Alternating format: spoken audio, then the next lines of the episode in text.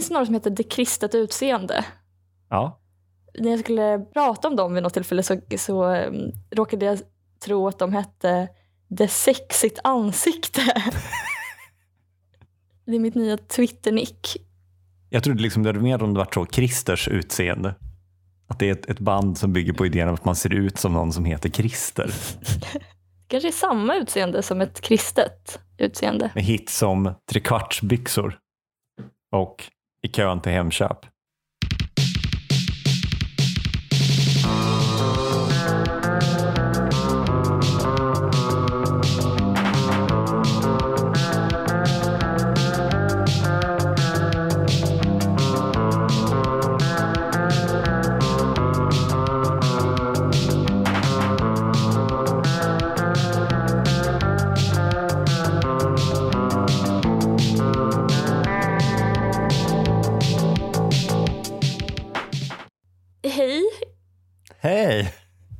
Chockad. trevande. Kände en gång en kille som, som avslutade påståenden genom att gå upp i ton. Det var liksom, ehm, han sa allt som att det var första gången han, han hade precis fått höra om det här uttrycket han skulle säga. Och liksom skulle se vad som hände om han sa det. Mm. Hej då! Är hej då ett påstående? När riktigt eh, maskulina män säger hej då, då är det fan ett påstående. Ja, Då är det hej då. ja, då är det ord och inga visor. Sådana alfa, alfa män. Vi baitas, då är alltid hej då liksom valfritt. Utrymme för tolkning. Hej då och personen man är med fortsätter berätta sin historia så man får aldrig gå. Hur står det till, Ellen Theander? Eh, det är bara bra. Hur är det med dig? Ja, men det är bra. Det är tusen saker. Den bästa tidpunkten på hela veckan. Tidpunkten när du och jag eh, går igenom en lista vi skrivit under tre års tid och med hjälp av producenten Sally drar några punkter varje vecka ur hennes figurativa hatt. En slumpgenererad dagordning. Precis. Det är som Sveriges, Sveriges roligaste årsmöte och ni, ni hänger med. Ska vi inte dyka rakt på det som alla lyssnar på den här podden för, Ellens killproblem? Vänta, jag ska, ta fram, jag ska ta fram min gamla synt. Ja. Ska vi göra en ny jingel varje vecka? Beroende på hur, det, hur, liksom, hur stora problemen är. Vad är det den här veckan då? Är det problem eller är det bra nyheter? Jag skulle säga att det är ett problem. Då ska vi se här. Någonting deppigt coming right up.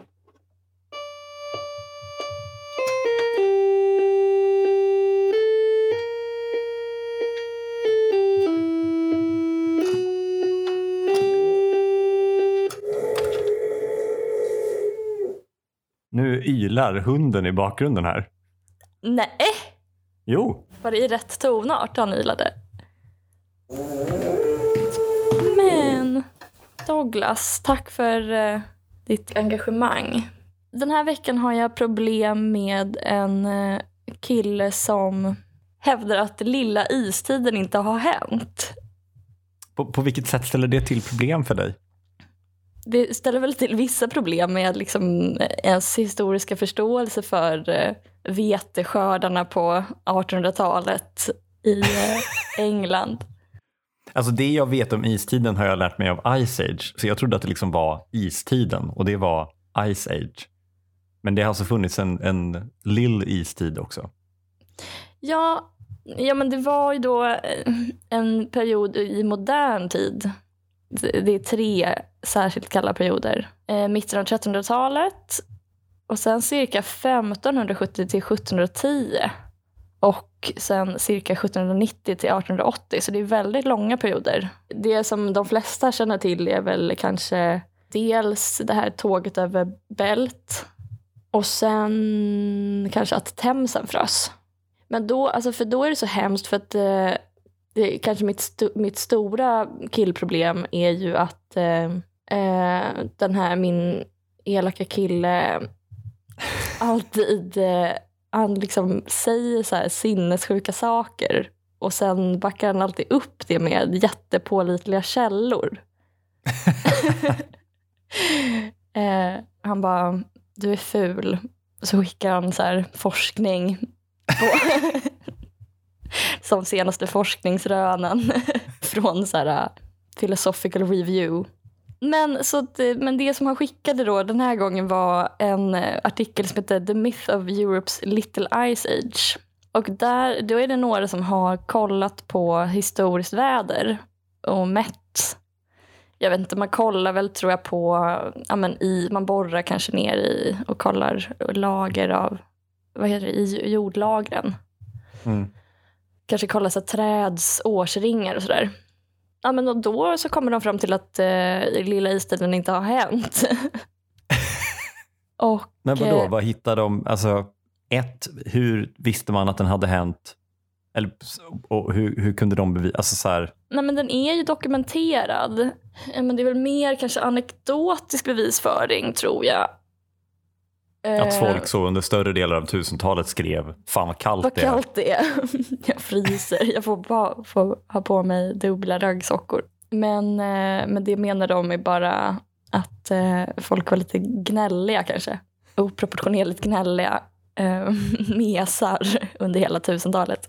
Ja, men det står att det är en...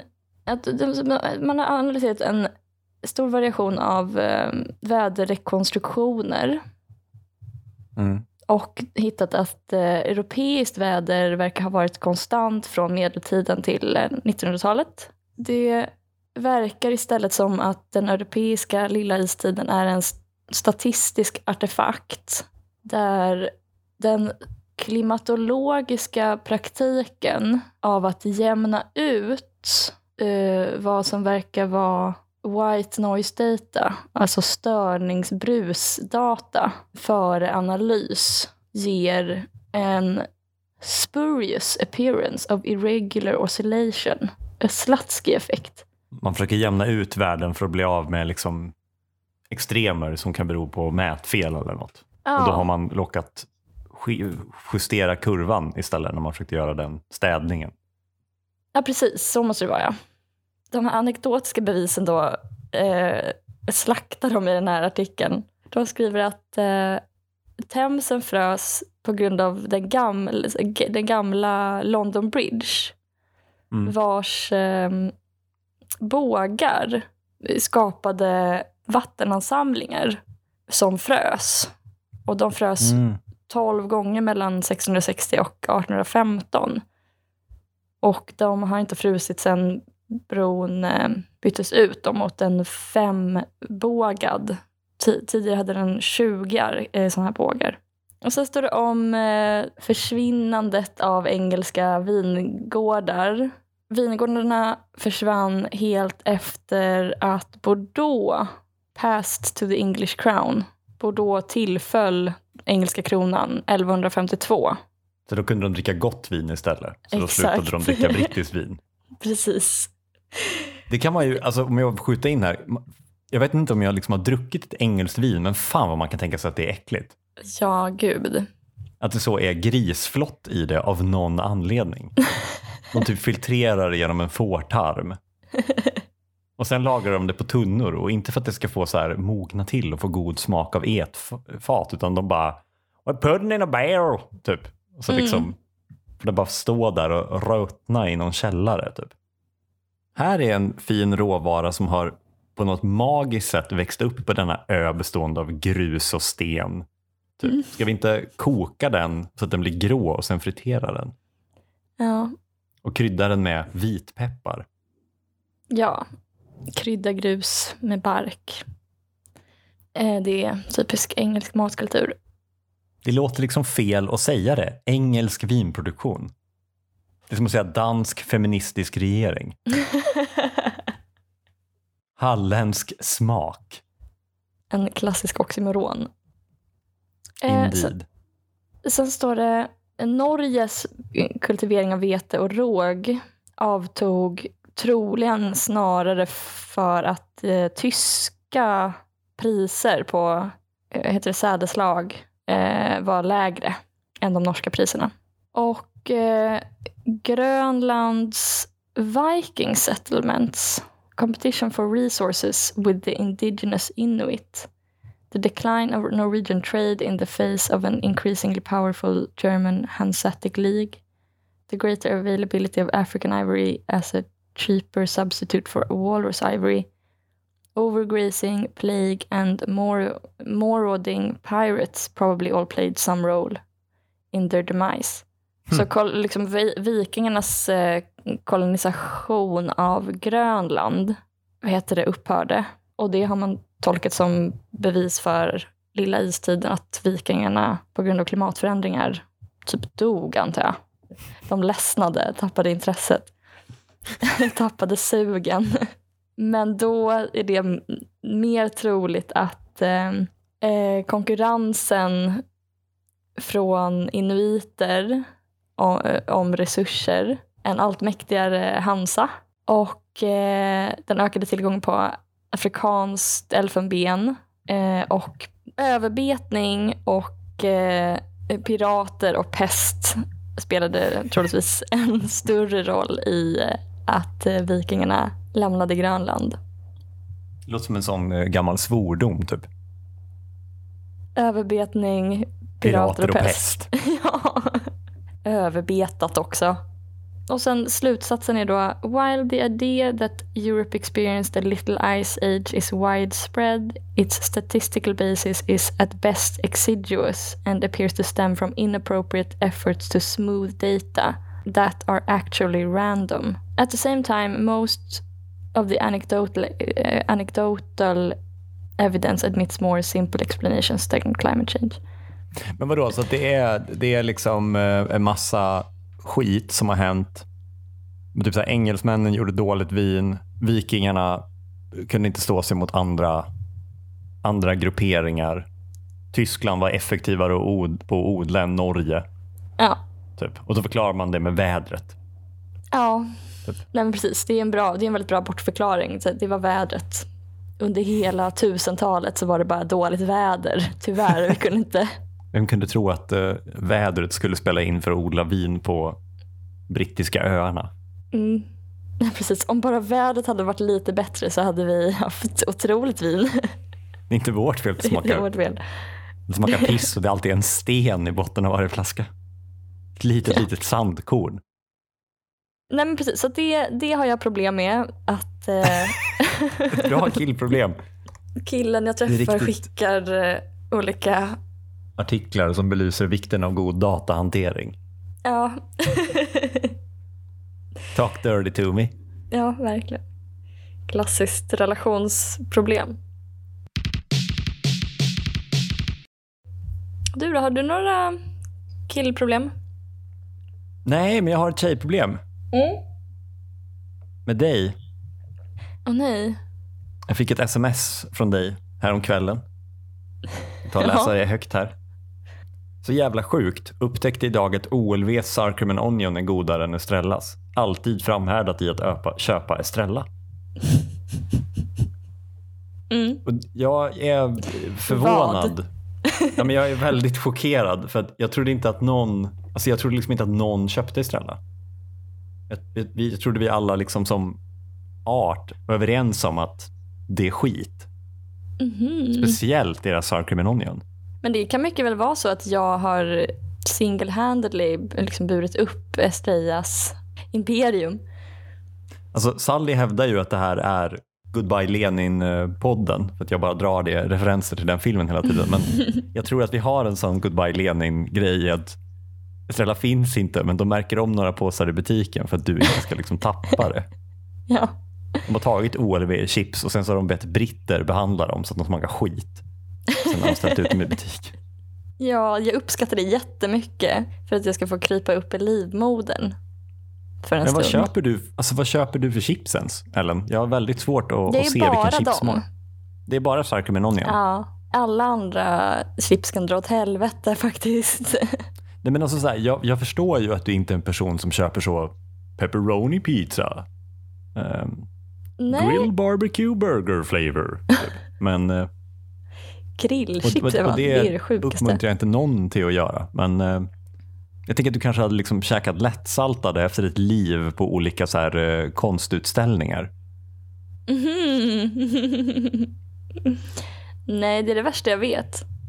Men du har, liksom, du har ju sprungit på OLV and onion in the wild? Alltså du är hemma hos en vanlig person och får chips.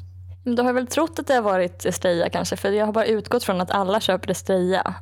Och det är det som är sour cream and onion chips. Du inser att du gör samma misstag här som de tidigare klimatanalytikerna. Du tar med dig en fördom. Jag har ju fått då de här goda sour cream and onion chipsen in i min eh, datainsamling. Så har jag liksom trott att det har varit Estrella hela tiden. Och då har genomsnittet för min chipsupplevelse höjts. Och när du har gjort en normalisering så har du liksom städat bort OLV Mm. och landat i att det är förmodligen Estrella. Mm. Och dessutom eftersom du då tar in smakdatan från OLV, alltså gott, Mm. så har du städat bort äckligt vid de tillfällen du har ätit Estrella och bara behållit Liksom. Precis. Estrella, alltså gjort en felaktig eh, slutsats. reglerat, ja, precis, jag har reglerat hela eh, mängden efter några extrema punkter på min upplevelse.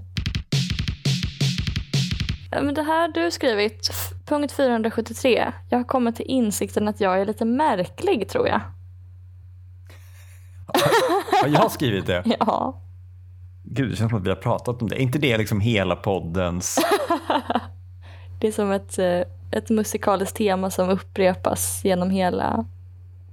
Precis, grundtonen är Ja. en, en känsla av märklighet. Jag ehm, tror jag kommer ihåg hur det var när jag skrev den där. Ett ljust tillfälle i mitt liv. Nej, men det, det låter ju mörkt och jag menar ju nödvändigtvis inte att, eh, att märklig som något negativt, utan bara att man, jag vet inte, att man är lite oförutsägbar och kanske inte agerar exakt som folk förväntar sig Mm. att man ska göra.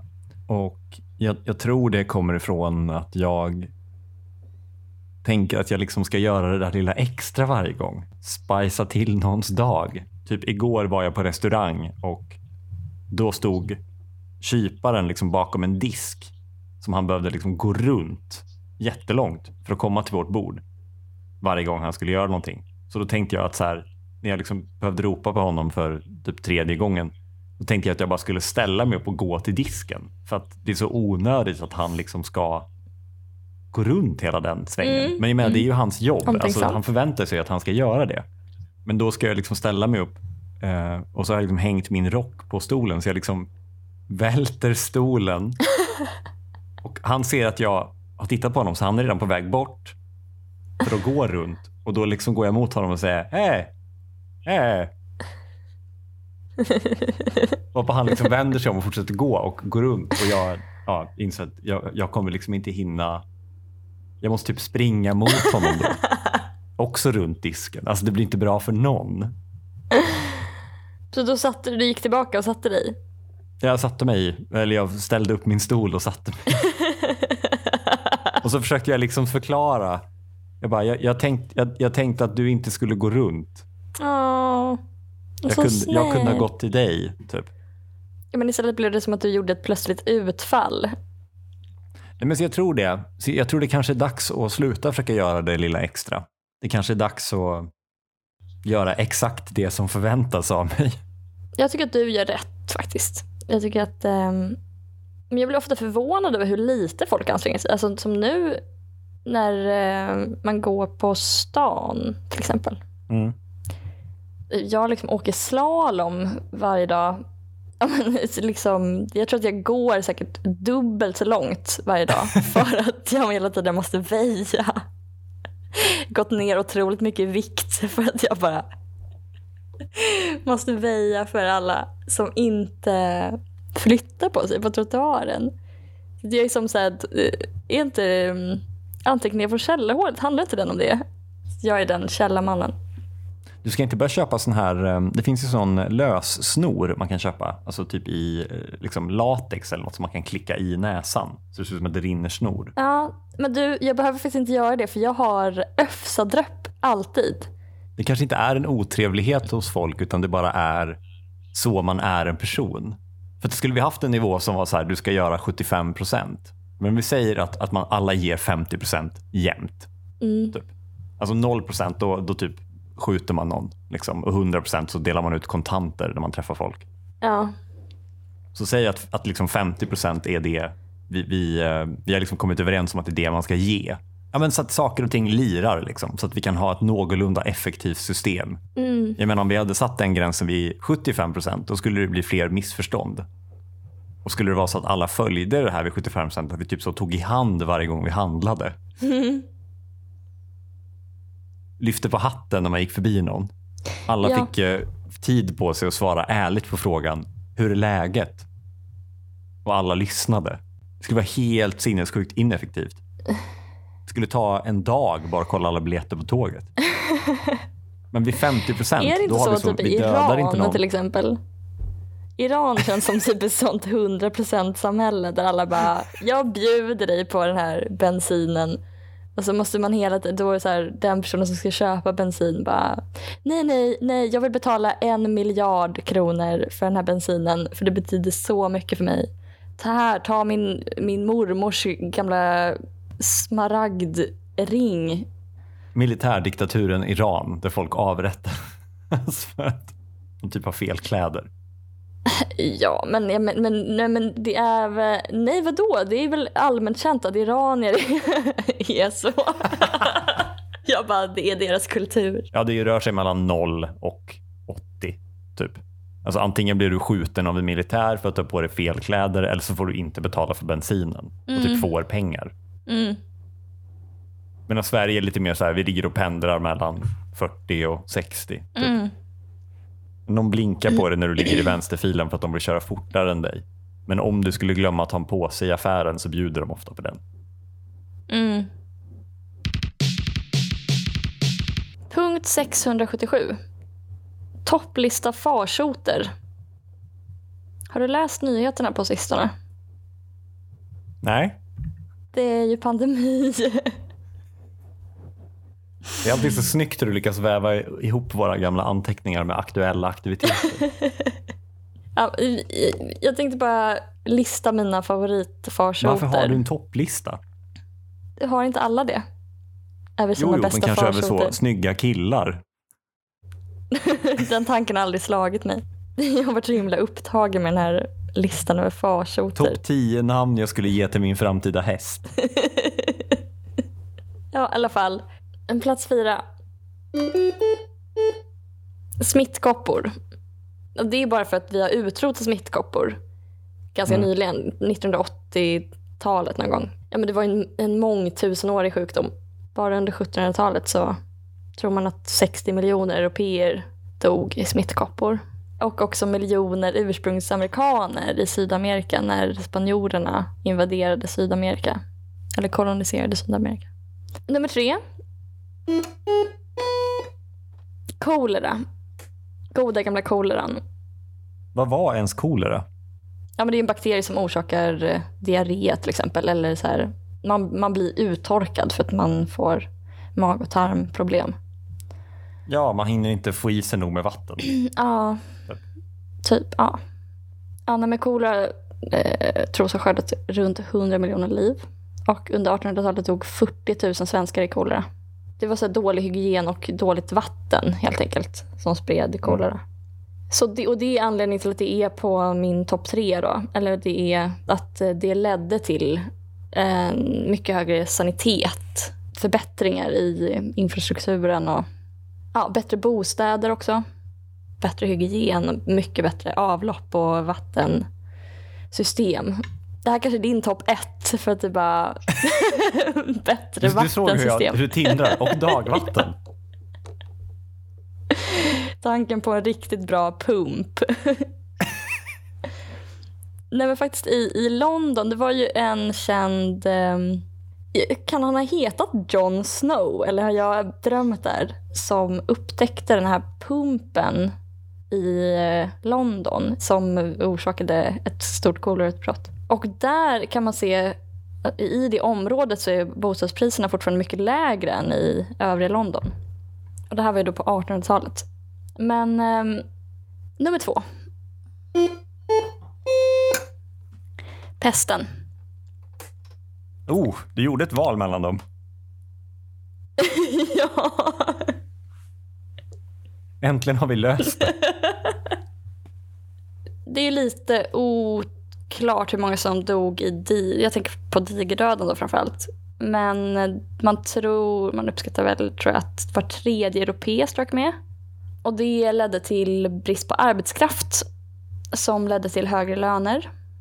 Matpriserna sjönk. Det var mycket land, mark som blev fri. Eh, och det gynnade ju då de jordlösa och arbetarklassen helt enkelt. Och sen ledde det till återbeskogning också. Och priset på land sjönk också. Och eh, priset på mat sjönk. Tillsammans med då att eh, lönerna steg så var ju det ganska bra liksom, för stora delar av befolkningen. Många ärvde också egendom från döda släktingar. Så för de som inte dog var det toppen? Ja, precis. För de som överlevde. Inte nog med att de överlevde, de fick det också. Riktigt toppen.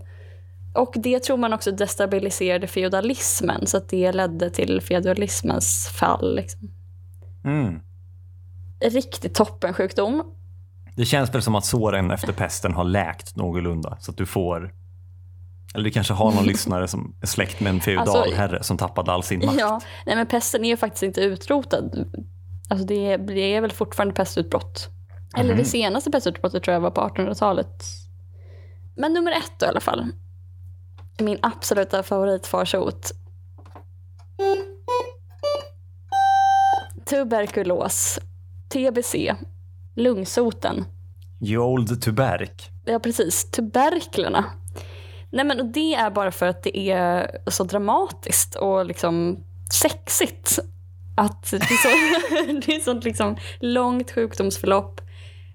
Det är sån divig sjukdom också. Men jag tänker, alltså man tänker på sanatorium, att folk låg och bara andades i flera månader i, uppe i bergen i Davos kanske. Eh, och förlorade sin ungdom kanske på sanatorium. Eh, den vita pesten kallades det. Bara en sån sak. En fjärdedel av Europas befolkningen, nej, befolkning dog under 1800-talet. Jävlar. Så dramatiskt och så um, vackert. Ledde den till några förbättringar eller kom den bara på plats ett för att den var sexigast? Ja, nej men det, jag vet inte vad det ledde till för förbättringar. Förutom, Vi fick väldigt fina hus på landet. Ja, men den gav oss i alla fall bergtagen. Var det gula febern som var under, ehm, man kom på att man kunde skrapa var från bölderna och liksom skära sig själv i huden och stoppa in lite var. Och Det var liksom det som gav oss vaccination sen. Är det sant? Man kom på att om man utsatt sig själv för lite, lite av sjukdomen under kontrollerade former så fick man en lättare infektion och fick då antikroppar. Du skämtar? Det här borde ju vara topp ett då. Varkoppning tror jag det kallas. Nej, det är smittkoppor. Ah, okej. Okay. Fan. År 1796 använde den engelska läkaren Edward Jenner sekret från koppor, kokoppor, för att odla fram ett vaccin mot smittkoppor som nästan utrotade sjukdomen i Europa. Vacca betyder ko på latin. Därav benämningen. Ja, det var min eh, topplista över farsoter. Tack för att vi fick hänga med på den resan. Mm. Polio kan jag säga tycker jag är extremt töntigt och osexigt. Säger du det för att min pappa var Sveriges yngsta poliopatient? Nej. Och saknar en del av sitt ben? Va? Nej, jag tar tillbaka. Gud vad hemskt. Kör en jingel. Eh, punkt 392. Jag måste berätta om den där vattenkannan som rör runt i vattnet för att göra det mer naturligt. Ja, nej men, eh, jag snubblade över en eh, Kickstarter för eh, en produkt som heter Mayo Water Enhancer som gör att vattnet hela tiden snurrar runt i en kanna. Inspired by nature, backed by science. Introducing the Mayu Stream Vortex Vessel alltså inte en vattenkanna, det är en vortex vessel. Alltså en vessel, det är en, en farkost för vatten. It's mesmerizing, beautiful to look at. But more importantly, it turns and keep your water fresh and healthy in its natural flowing state. Och sen eh, så står det också, did you know 70% of earth is covered by water? 70% of a living tree is water. And 70% of the human brain is water. För det är dåligt med stillastående vatten förstås, men det är ju inte på det sättet att så här, vi har för lite rörelse i vårt vatten som vi har i kranen eller så här, vårt dricksvatten eller... eh, Alltså, men anledningen till att det är dåligt med stillastående vatten är ju att det uppstår så här algblomning eller eh, och det blir syrebrist. Och man kan få legionella typ. Vad är, eller vad är det för land som har stillastående vatten i kranen? Alltså det, det fina med en kran är ju att vattnet rör sig i kranen och Precis. oxygenates när du häller i ett glas. Så, så tycker du att det här är en fantastisk idé så kan du också ta ett vattenglas och ha det under kranen. Du behöver inte åka till vattentornet och sänka ner ditt vattenglas i det och skopa upp vatten. Du kan också hälla det från kranen ner i ett glas. Men är det här ett tecken på att vi har eh, liksom nästan nolltillväxt? Ja, absolut, det tror jag. Att vi får sådana värdelösa startups? De här samlade ju in fem miljoner. Du skämtar? Och du, eh, det, det som är så roligt är att de hävdar ju att du inte ska ha vatten i stillastående. Liksom. Ehm, och du, så du kan ju köpa eh, för endast, endast 169 dollar, alltså, eh, och då är det ju utan frakt. Då, så kan du köpa din egen Vortex Vessel och en base. Och basen har en motor som får vattnet att börja snurra. Och för endast 199 dollar, alltså 2000 kronor, så kan du köpa en Vortex Vessel och en base och en vattenflaska dit du sen kan hälla vattnet när det har snurrat. Men då blir det ju stillastående. Ja, just det. Alltså USA till exempel, nu har vi i Sverige har vi också ett, fruktansvärt dåligt underhållet vattensystem. Sen är vår vattenkvalitet jättebra, men eh, jag tänker i USA i sådana ställen som ja, i Michigan, då, Flint, där det var bly i dricksvattnet. Man förstår ju liksom att det finns en efterfrågan för, för vattenfiltrering och det Alltså sådana eh, Brita filters, sådana Brita-kannor man häller vatten i för att filtrera det och så. Alltså det finns en, ett önskemål om liksom hälsosamt dricksvatten. Men det är så roligt att liksom det är en massa små individuella lösningar med mer eller mindre fungerande vattenfiltrering. Alltså, om du har problem med bly i dricksvattnet, du kommer ju inte liksom få bättre vatten om du köper en kanna för 2000 som snurrar runt det i nio minuter. Nej men exakt. Ja. Och, och Man kan ju tycka att det ur ett samhällsperspektiv vore mer lönsamt om man kanske köpte ett stort vattenfilter Ja. och installerade det. Så kan liksom kanske alla i stan betala varje månad för att få vatten från det. Jag vet inte, det kanske är en sjuk idé. Istället för att vi ska gå tillbaka till någon sån slags Renare från bly hemma på sin kammare. Men det kanske är ett bra tips för, för, för fattiga familjer då att köpa en, en större mm, glasdunk, hälla vatten i och sen bara skaka den i nio minuter. Men det är roligt för att vi, jag tror vissa människor ser det här som excellent entreprenörskap och ett tecken på att ekonomin fungerar. Och jag håller ju med din analys om att det är alltså ett tecken på att vi har nolltillväxt och man nu måste hitta på egentligen vad som helst som går att sälja för att få liksom en, en, en tillväxt. Mm. Men jag, jag ser liksom framför mig att, att om det här skulle slå igenom, att vi får så familjer med som bara skakar, van, alltså så här, vanliga fattiga skakare och sådana som har maskinskakare. Ja. Ja, Ja, det, det var väl egentligen bara det. Jag ville bara informera dig om att du nu kan visste fanns. dricka hälsosammare vatten. Ehm, antingen då genom att köpa en, en liten USB-laddad enhet ehm, med batterier gjorda av konfliktmineraler för att du vill spara på plast. Eller så kan du bara prova att hälla vatten från din kran. Kanske inte förvara ditt dricksvatten i en pöl i sex veckor. Jag får önska dig en trevlig kväll. Tack detsamma. Du har lyssnat på Tusen saker med mig, Ellen Theander, och Kim Johansson. producent var Sally Eriksson, ansvarig utgivare Ellen Theander. Tack, Tack Ellen. för den här veckan. Vi kommer ut på tisdagar klockan sex på morgonen. Adios, ajöken. Så lång.